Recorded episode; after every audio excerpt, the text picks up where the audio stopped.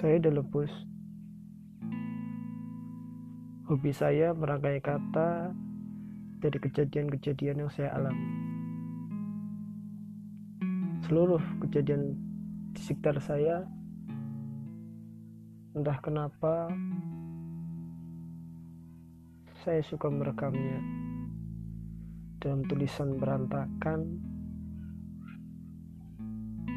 yang sedikit mempunyai makna